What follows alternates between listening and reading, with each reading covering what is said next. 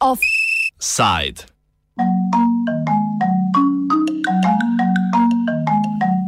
Bruselj proti vratarjem interneta.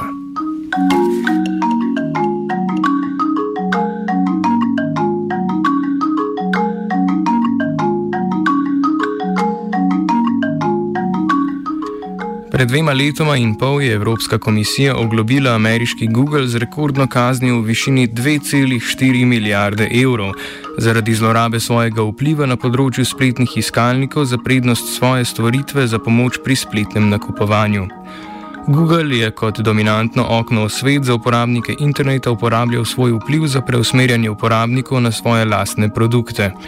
Kazen ni kaj dosti pomagala manjšim spletnim trgovinam, ki pravijo, da se število njihovih uporabnikov, ki pridejo na njihove spletne strani prek iskanja v Google, samo še zmanjšuje. Prav tako se Google s komisijo še vedno pravda na Evropskem sodišču glede vprašanja, ali je bila kazen sploh upravičena. Eno pomembno sodbo je Evropska komisija pred tem sodiščem že izgubila, namreč glede omejevanja velikih tehnoloških podjetij pri njihovem monopolnem položaju na trgu, če te dejavnosti ne povzročajo višjih cen, kar je primer pri Googlu in Facebooku, ki ponujajo svoje osnovne storitve za ston.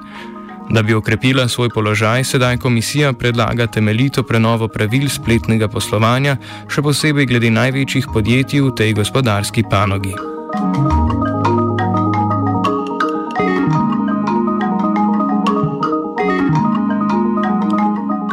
Decembra predstavljena regulativna predloga akt o digitalnih trgih in akt o digitalni ponudbi težita k omejitvi moči spletnih ponudnikov vsebin.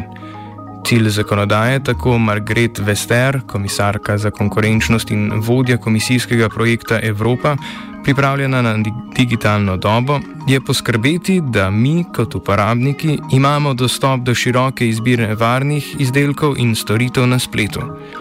Vester kot prednost novih regulacij izpostavlja tudi pošteno in svobodno konkurenčno poslovanje podjetij tudi na spletu, ter kot pravico evropejca vidi nakupovanje na varen način in branje zaupanja vrednih novic, kajti kar je ilegalno izven spleta, je enako ilegalno na spletu. V današnjem offsajdu tako o predlaganih zakonih, njunih pomankljivostih, zgodovini poskusov regulacij digitalnega trga ter o vplivu Evropske unije na nadaljno regulacijo digitalnih trgov na svetovni ravni.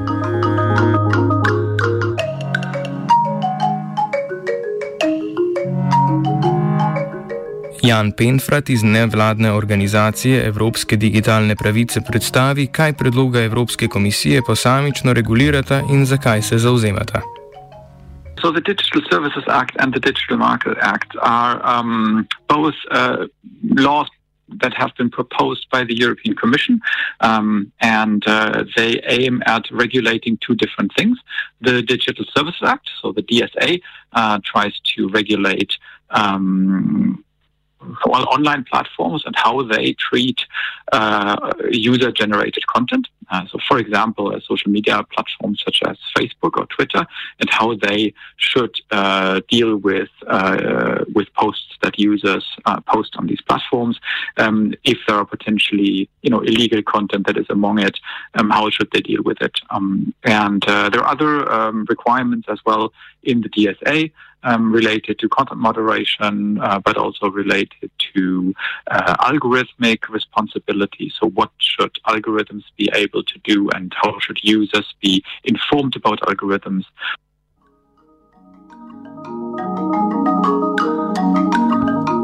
Zakon o digitalnem trgu poskuša omogočiti vstop novih spletnih ponudnikov in preprečevati trenutno stanje maloštevilnih velikih podjetij, ki obvladujejo spletno trgovanje. Zakon tako prepoveduje prej pogosto vedenje, ki teži k monopolni prevladi. Tako podjetjem prepoveduje, da bi uporabnikom onemogočili, da si iz telefona odstranijo naprej nastavljene aplikacije ali programsko opremo. Prav tako zadolžuje multinacionalke, da omogočajo dobro delovanje programske opreme drugih podjetij na svojih platformah. Prepovedano je tudi, da naprimer Google na svoji platformi svojo storitev privilegira pred drugimi ponudniki. Zato je bil Google v preteklosti strani Komisije za konkurenčnost že kaznovan. za simboličnimi 3 milijoni evrov.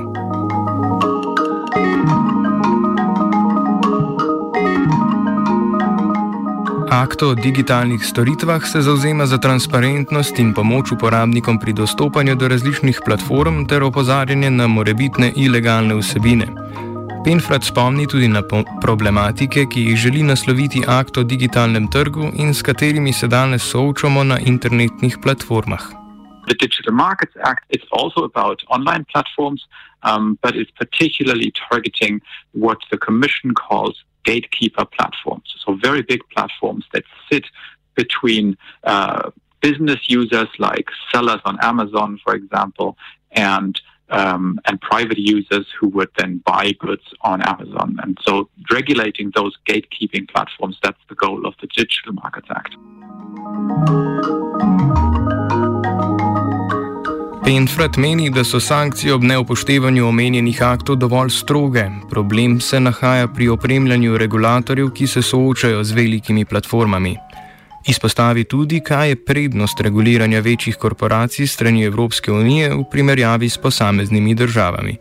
The DSA tries to impose transparency obligations, which would help users and regulators to understand how these platforms function um, and how um, the platforms also have an impact on uh, the public discourse um, that we're having mostly online, the political discussions that are happening online on social media platforms, for example.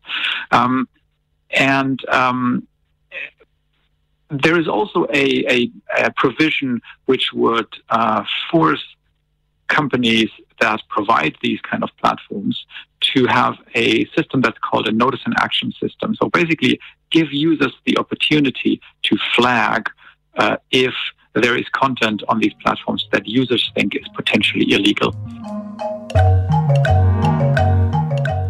Prvi zakon, namenjen regulaciji spletnega poslovanja, direktiva o trgovanju Evropske unije, je nastal leta 2000. Pensfrat opozori na težavnost sprejemanja takšne zakonodaje, sploh na nacionalnem nivoju, kjer so ustavna sodišča takšne poskuse pogosto označila kot neustavne. The first law around uh, this kind of questions was passed in the year 2000. It's called the e-commerce directive.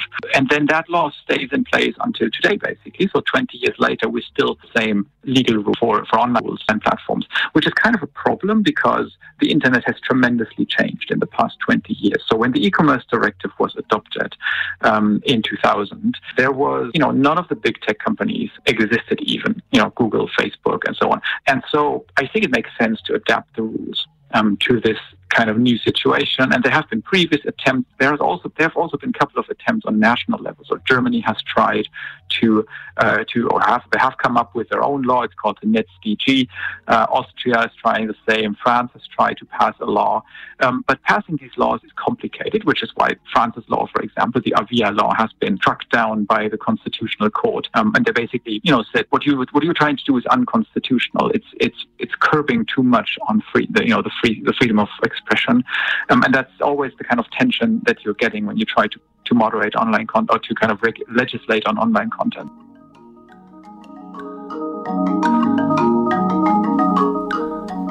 Akta sta šele na začetku sprejemnega procesa. Potrditvi jo morajo Evropski svet in parlament, spremembe pa, do, pa bodo predlagale članice in drugi. Penfrat opozori, da je sicer dobro namenska funkcija, ki uporabnikom omogoča, da prijavijo morebitno ilegalno vsebino, naprimer sovražni govor, slabo zasnovana, saj spodbuja platforme, da takoj odstranijo vsebino, ne da bi preverile, ali je dejansko sporna. Um, there is also a big mistake that we believe um, the Commission has made when they proposed the law, the notice and action system. So the, poss- the possibility for users to notify platforms about potentially illegal content. So this is this is a great idea to put in there. It, it should totally be, you know, every platform should have that. Um, the the problem that we see is that the Commission in in their proposal they also say as soon as a platform receives such a notification, they are potentially liable, legally liable for the online content that has been notified. So let's say, for example, there is a, you know, someone says something that could be considered hate speech or maybe not under the given national law under which you are. Um, and then someone would see it on, on the platform and would notify the platform, hey, there is a piece of content. I think that's hate speech. I think that's illegal. And now the, the, the platform receives the notification and they would immediately be liable for the action that they take on it as if they were the poster themselves. And so that creates a big, li- a big liability risk. So it's a legal risk that platforms run into. And so the only commercially, well, reasonable reaction from the side of the platform would be, well, we take down the content because we don't want to run the risk, right? Taking down the content, no risk at all. You know, leaving the content up, big risk. So we take it down. The, the approach that the commission has taken, uh, I call this, let's delete it and then let's see if someone complains. And so the result is going to be a, a, a heavy burden, basically a lot of over removal. Content that is totally, totally legitimate uh, is going to be removed under these rules.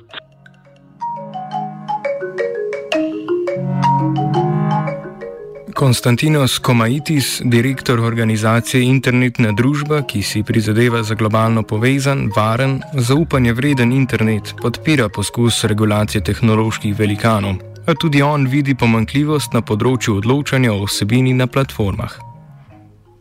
Uh, there is a provision within the Digital Services Act called trusted flaggers, uh, which is now more formalized and elevated in status. So these trusted flaggers, in a nutshell, are going to be entities that will be able to go to various um, intermediaries and ask them to remove content, bypassing an often bureaucratic process, which, however, is, you know, used to be transparent and pretty much accountable.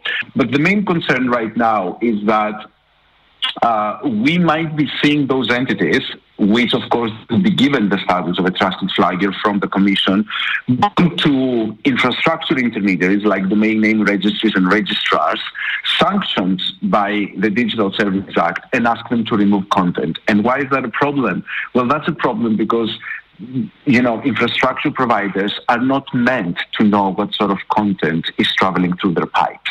So suddenly we are going to be seeing new actors emerging in content moderation, uh, and those actors might not be um, uh, the ones appropriate to deal with content moderation. And, and what that ultimately means is that they might need to devote more resources in order to be able to achieve that, uh, which will mean, you know, that they won't be able to do the traditional, uh, carry the traditional functions, which is network updates, ensuring that uh, the networks are secure, and so on and so forth. Penfrat iz organizacije Evropske digitalne pravice izpostavi pomankljivost zakonodaje na področju regulacije spletnega targetiranega oglaševanja. Uh, one of the things that we think should absolutely be part of the Digital Services Act, um, but it is not right now, is a regulation of online advertising. At the moment, the way that these big tech companies make money is that they show people personalized advertising. And so they have a strong incentive to make sure people stay on the platform because also then they can collect more and more personal data about people, which again gives them the power to show people, you know, targeted uh, uh, online advertising. So we think that this is a system that needs to go because it, it, it creates the wrong the wrong incentives for platforms. Um, and um, so it's, it's just a business model that has proven to be so harmful to our public debates online um, that there is there's really it's hard for us to see any you know valid reason why this kind of business model should stick around. Um, so we would push for the parliament and also member states to add a provision uh, which limits uh, the use of personal data for targeted advertising. It doesn't mean advertising goes away. Advertising can stay, but it shouldn't be targeted to, in, to an individual level basis.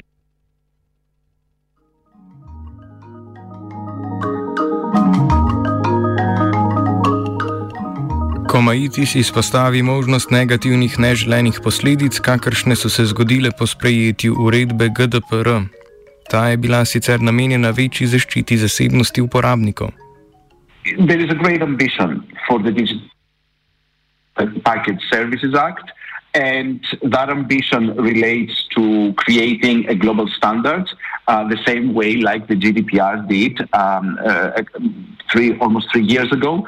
Uh, and that could also uh, be problematic. If there is one lesson that we've learned from the GDPR, is that extraterritorial effects could have uh, significant unintended consequences for the internet. And one of them, for instance, for the GDPR, which could be also reflected in the Digital Services Acts package, would be fragmentation. In the context of the, of the GDPR, what we saw happening is that a lot of companies decided, for whatever reason, it might have been compliance cost or for you know they, they just didn't want to uh, they they decided not to subscribe to the rules of the GDPR uh, and that meant that a lot of the websites the Chicago Tribune was amongst them, which is a newspaper. The History Channel in the beginning was also amongst them. Were not able, were not resolve, resolvable in Europe. So, me as a user in Europe, I was not able to access content that lived in another jurisdiction. And the whole idea of the internet, one of its core strengths, is the fact that it is globally connected. Those networks, you know, are able to talk to one another. Uh, you know, and I am, as a user, able to retrieve all the benefits from that. Predlagana akta bosta tako krmarila med lobiranjem tehnoloških velikanov po dosedaj dovoljenem monopolnem vedenju in zahtevah nevladnih organizacij po svobodnem internetu, ki naj bo hkrati reguliran v prid uporabnikom, ne korporacij.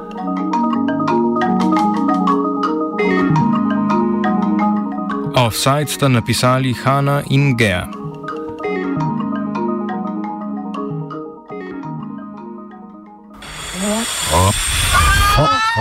Offside.